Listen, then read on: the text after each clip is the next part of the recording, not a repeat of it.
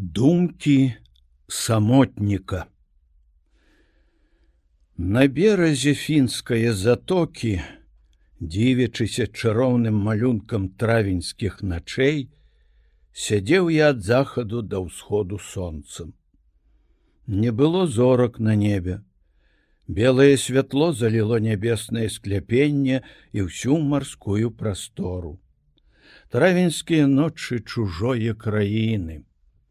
Вы заўсёды былі сведкамі маіх тужлівых і самотных песень, калі тут на беразе затокі, агорнуты думкамі ўспамінаў я горы і лясы роднае старонкі. Гараць залатым полымем вяршыні святынь сталіцы. Якая цішыня пануе ў паветры зазваніў гадзіннік з вежы, і моцнае яго гучанне дасягае далёкіх ваколіц горада. Човен плыве па спакойнай вадзе. Чую вясёлыя песні матросаў. У пышных садах гучыць музыка, да позняга часу доўжацца вясёлыя забавы і не скончыліся яшчэ, прыемныя спатканні пад шатамі паркавых дрэваў. Травеньскія ночы радзімых ваколіц. Мілей мне было сустракаць захад сонца на беразе нешчарды. Не параўнаеш самую вытанчаную музыку з пяшчотным і чароўным спевам салаўёў. І, самотным голасам зязюляў. Дзікія лясы, мілейшыя запышныя паркі. Шум вашых галін акунаў мяне ў роздум у засені вячыстых дрэў.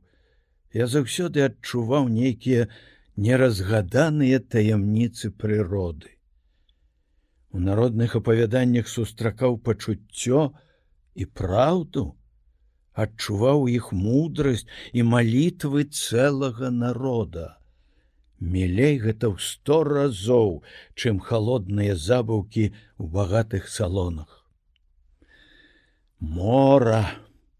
Я чытаў пра цябе вершы паэтаў, ціхія бурапенныя твае хвалі параўноўваў з роднымі азёрамі, калі яны зіхацяць як крышталь у зарослых берагах, або шумяць у буру.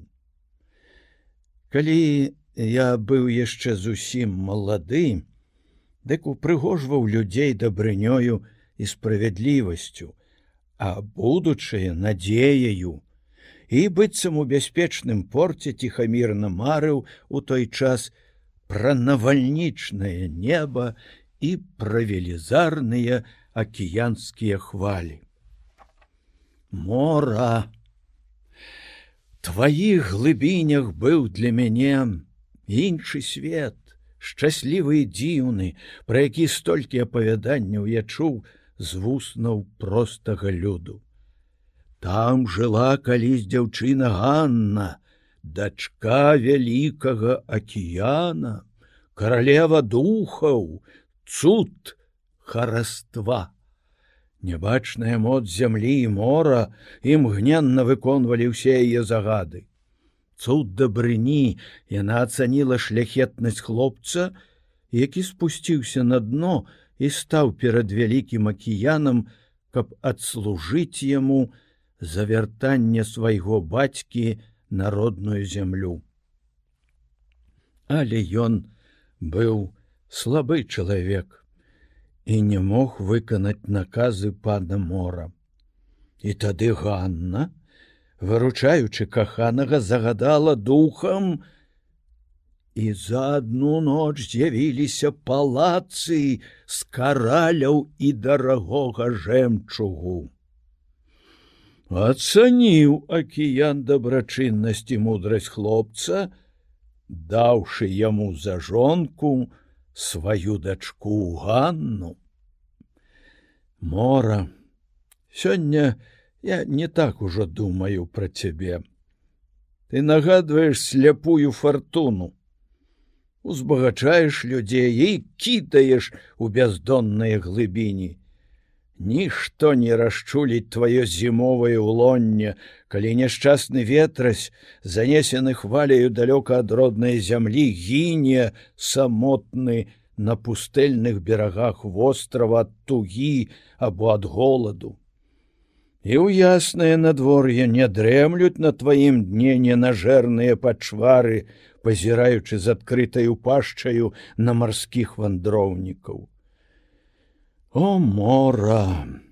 Ты нагадваеш свет, па якім чалавек ідзе рознымі пуцінамі жыцця. Хутка зменіцца надвор'е ветер з усходу, бялеецца над вадою надзьмуты ветрась, О людзі вялікага свету, Паглядзіце на неба з вашых высокіх і пышных махаў.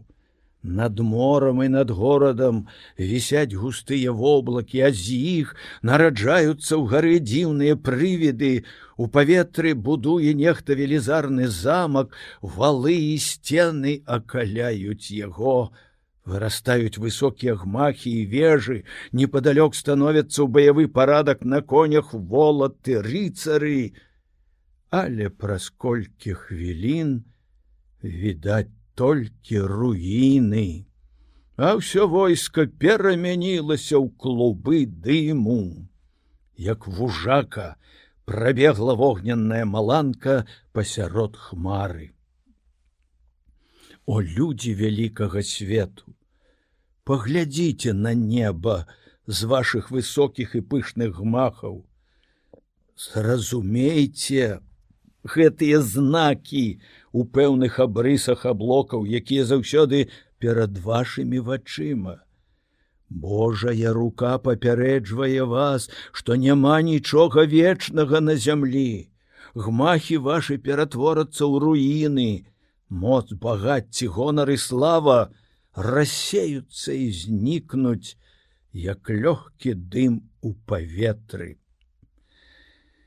Вясна, кароткі твой усмех, кароткі твой павеў лагоднага ветрыку, нядоўга цешаць вока барвы садоў. Вільготныя туманы засцелюць зямлю, паляцяць птушкі ў вырай, пачнецца ветер, і разнясе жоўтую лістоту па могілках, раскідваючы ля ўзножжа цудоўных помнікаў і нямых стодаў, якія стаяць на магілах знакамітых людзей. Калісьці фартуна на дарозе жыцця сыпала ім кветкі.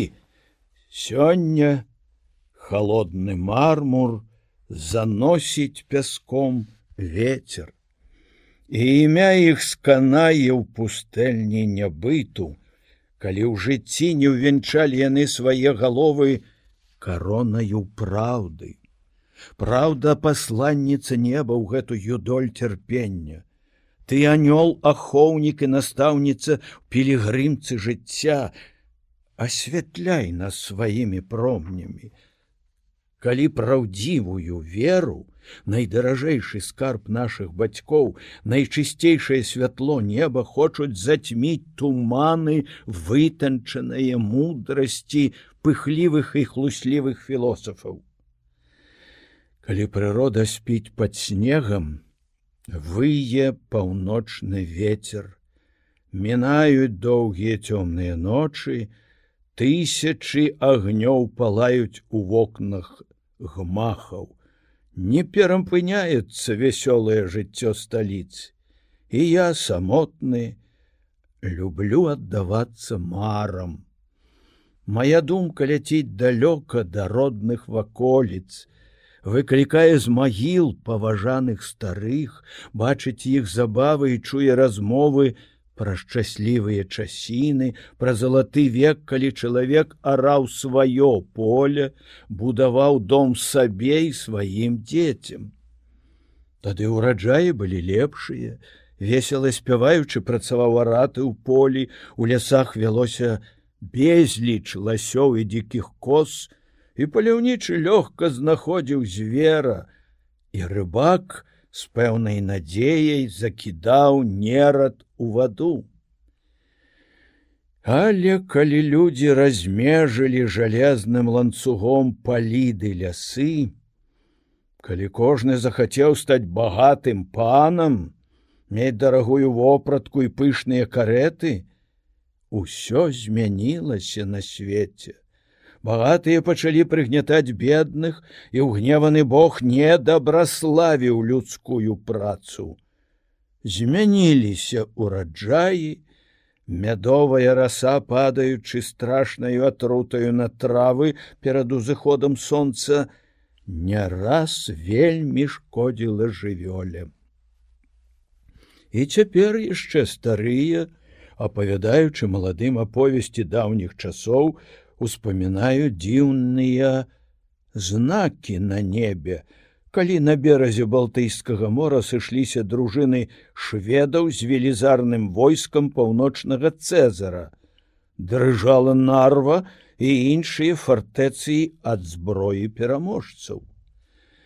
Зарыва страшных пажараў плывучы в аблоках ад марскіх берагоў не раз апоўначы залівала крывёю неба над усёй беларусю Люд дрыжучы пазіраў у гору, дзе ў хмарах, што дымеліся крывёю, змагаліся палкі конных і пешых волатаў, і не раз гэты відзеш, трываў на небе даў зыходу сонца. Часта тэмаю іх размоў бывае лебедлівы год. Калі падчас тае шведскай вайны валадарылі па ўсёй беларусі голад і чума. Зямля тады была без снегу пагоркі без травы падобныя былі да бясплодных стэпаў. Паўночны ветер пролетаючы над голымі палеткамі нібы над пясчанымі стэпамі змятаў сухую зямлю і забіваў сваім дыханнем кволую рунь ад моцных маразоў трэскалася зямля, гінула рыба ў скаваных таўшчэзным лёдам азёрах. Прыйшла вясна, ажылі дрэвы і лугі, але сэрца гаспадара працяў цяжкі смутак. Палі былі пакрытыя лебядою. Жытнёвыя каласы раслі за некалькі сажняў адзін ад аднаго, На берагі азёраў хвалі выкідвалі мноства нежывое рыбы. Голад і чума распаўзліся па цэлым краі. У вёсках апоўначы пад вокнамі некаторых хацін здараліся незвычайныя страшныя цуды. Сонных абуджаў моцны крык дзіцяці.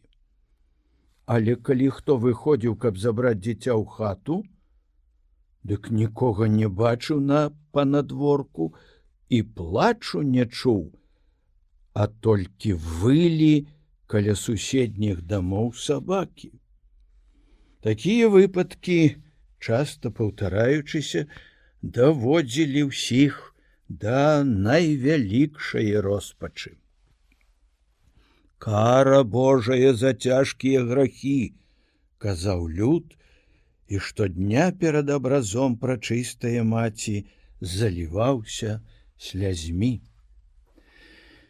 Успамінаюць у размовах сваіх з удзячнасцю і пачуццём і пра вас, вялікія душы, што былі дабрадзеямі вашим падданым, суседзям і няшчасным землякам, падчас неўраджаю шчодраю рукою давалі вы дапамогу бедным сялянам удовам і сіротам.